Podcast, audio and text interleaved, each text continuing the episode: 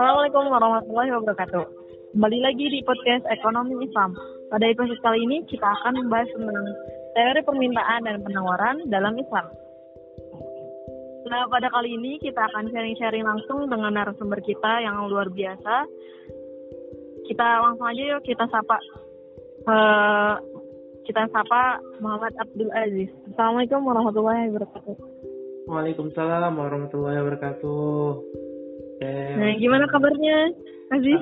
Alhamdulillah, luar biasa. Allahu Akbar. Teteh sendiri gimana Alhamdulillah. nih? Teteh sendiri gimana? Masya Allah ya. Um, mat, uh, narasumber kali ini dari ini ya dari Sekolah Tinggi Ekonomi Islam yang ada di Depok. Uh -huh.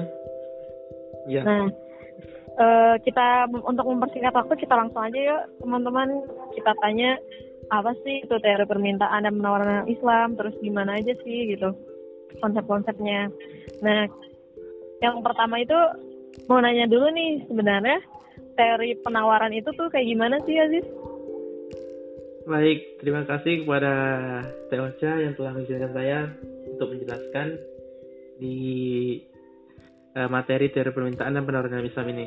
Nah, jadi teori permintaan dan penawaran dalam Islam ini teh uh, masalah permintaan dan penawaran sudah tidak asing lagi bagi kita semua ya kan yang pernah mempelajari teori mikro uh, mikroekonomi dan terdapat juga pada ilmu ekonomi. Nah, permintaan dan penawaran juga sering menjadi kegiatan sehari-hari bagi manusia dalam melakukan kegiatan perekonomian tentang produksi, supply, harga, keuntungan, produsen, pemasaran, hingga pasar yang dibahas dalam konsep penawaran. Begitu juga dalam konsep permintaan yang membahas tentang konsumsi, konsumen, demand, dan kebutuhan harga yang selalu menjadi uh, harga yang selalu menjadi prioritas utama dalam menjalankan konsep permintaan. Tidak jauh beda dengan yang selalu menjadi uh, tidak jauh beda dengan konsep permintaan dan penawaran dalam perspektif ekonomi Islam itu sendiri yang membahas tentang hal-hal yang disebutkan tetapi memiliki batasan-batasan dalam berekonomi yaitu syariat yang berhubungan langsung dengan Allah taala dan sumber-sumber Islam lainnya seperti Al-Qur'an dan Sunnah serta ijtihad dari langsung dari para ulama atau para pakar ekonomi Islam sendiri. Di mana Indonesia sama sekali belum diterapkan tentang konsep permintaan dan penawaran secara ekonomi Islam yang merupakan konsep baik dalam meningkatkan kegiatan perekonomian masyarakat Indonesia yang bisa dibilang Indonesia selalu memfokuskan kegiatan perekonomian pada sistem mencari keuntungan besar dan materialis. materialis. Jadi gitu teh sedikit uh, tentang teori permintaan dan penawaran dalam Islam. Ya, um, terus uh, teori penawaran itu sendiri gimana tuh? Nah, untuk teori penawaran itu sendiri dalam perspektif Islam seperti halnya pada permintaan yang diturunkan dari fungsi konsumsi. Maka teori penawaran hakikatnya adalah derivasi dari perilaku individu-individu perusahaan dalam analisis biayanya. Nah, setiap perusahaan hanya akan diproduksi uh, jika harga barang yang berlaku lebih tinggi daripada biaya variabel rata-ratanya. Pada dasarnya nih teh, terdapat uh, garis uh, garis harga yang terbatas jumlahnya di atas titik perpotongan antara, antara kurva biaya marginal dengan kurva biaya variabel rata-rata. Nah, dari sinilah kita dapat menemukan beberapa kuantitas yang dapat ditawarkan kepada setiap tingkatan harga. Nah, membahas teori penawaran Islam, nih, nah, kita harus kembali kepada sejarah penciptaan manusia. Nah, bumi bumi dan manusia tidak diciptakan pada saat bersamaan. Nah, dalam memanfaatkan alam yang telah disediakan Allah bagi keperluan manusia, larangan yang harus dipatuhi adalah janganlah kamu membuat kerusakan di muka bumi ini. Nah, larangan ini larangan ini tersebar di banyak tempat dalam Al-Qur'an. Dan betapa Allah sangat membenci mereka yang membuat kerusakan di muka bumi ini. Nah, jadi itu teman-teman. Nah, secara umumnya tidak banyak perbedaan antara teori permintaan konvensional dengan teori permintaan Islam. Sejauh hal itu dikaitkan dengan variabel atau faktor yang turut berpengaruh dalam posisi penawaran. Bahkan, bentuk kurva secara umum pada hakikatnya sama. Satu aspek penting yang memberikan suatu perbedaan dalam perspektif ini kemudian besar berasal dari landasan filosofi dan moralitas uh, yang didasarkan pada premis nilai-nilai Islam. Nah, yang pertama adalah bahwa Islam memandang manusia secara umum, apakah sebagai konsumen atau produsen atau suatu objek yang terkait dengan nilai-nilai. Nah, nilai-nilai yang pokok yang didorong oleh Islam dalam kehidupan perekonomian adalah kesederhanaan, tidak selalu dengan gemerlapnya kemuliaan duniawi, duniawi, itu harta, mobil, Lamborghini, rumah, dan segala macam lah, dan dan ekonomis. Nah, inilah nilai-nilai yang seharusnya menjadi tren gaya hidup Islamic man. Yang kedua adalah norma-norma Islam yang menemani kehidupan manusia, yaitu halal dan haram. Nah, produk-produk yang transaksi pertukaran dengan barang dan jasa duduk pada norma ini. Hal ini yang diharamkan atas manusia pada hakikatnya adalah barang-barang atau transaksi-transaksi yang berbahaya bagi diri mereka dan kemaslahatannya.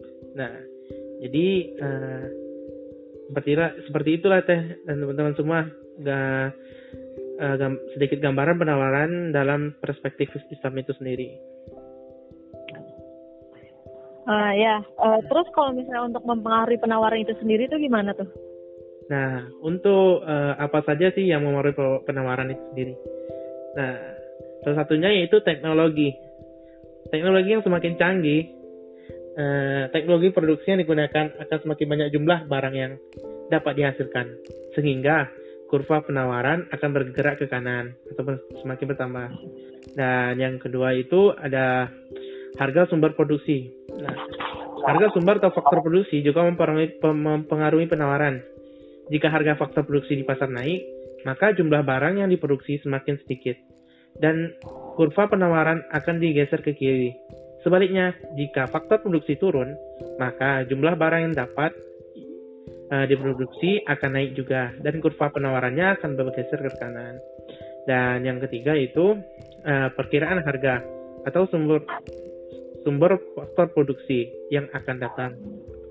Nah, jika diramal, diramalkan harga faktor produksi akan naik, maka produsen cenderung menambah permintaan faktor produksinya saat ini. Dan untuk yang keempat itu ada perkiraan harga barang yang akan datang.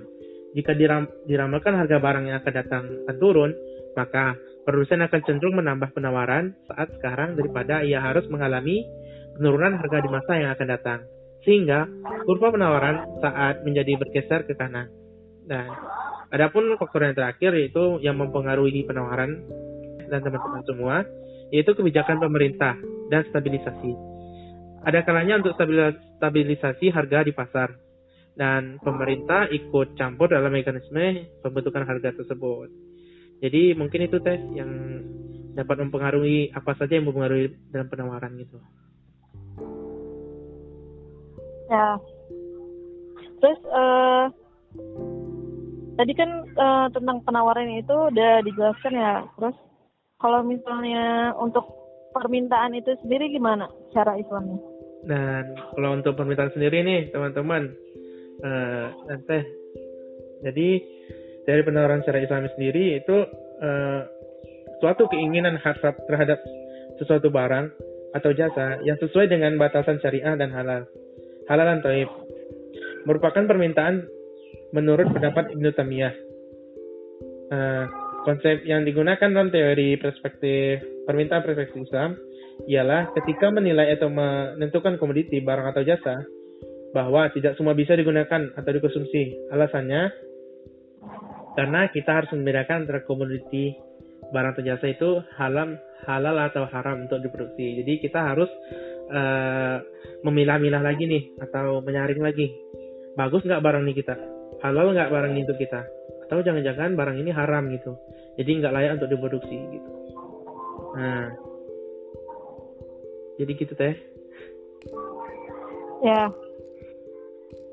hmm. Pak, masya Allah ya jadi uh, tadi kita sudah bahas ya semuanya apa itu teori permintaan, terus teori penawaran itu sendiri, terus apa yang mempengaruhi. Nah, semoga dengan kita uh, ngebahas ini, semoga ngebahas tentang permintaan dan penawaran ini kita bisa ini ya bisa ketika kita nanti uh, melakukan permintaan dalam barang terus penawaran kita bisa melakukannya sesuai dengan uh, yang sudah diajarkan yang sudah dijelaskan tadi ya Amin. Nah terima kasih kepada uh, Muhammad Abdul Aziz yang telah ini ya memberi pemaparannya sangat luar biasa. Sama-sama, nah saya sebagai moderator mohon maaf bila ada salah-salah kata. Saya pamit undur diri. Wassalamualaikum warahmatullahi wabarakatuh.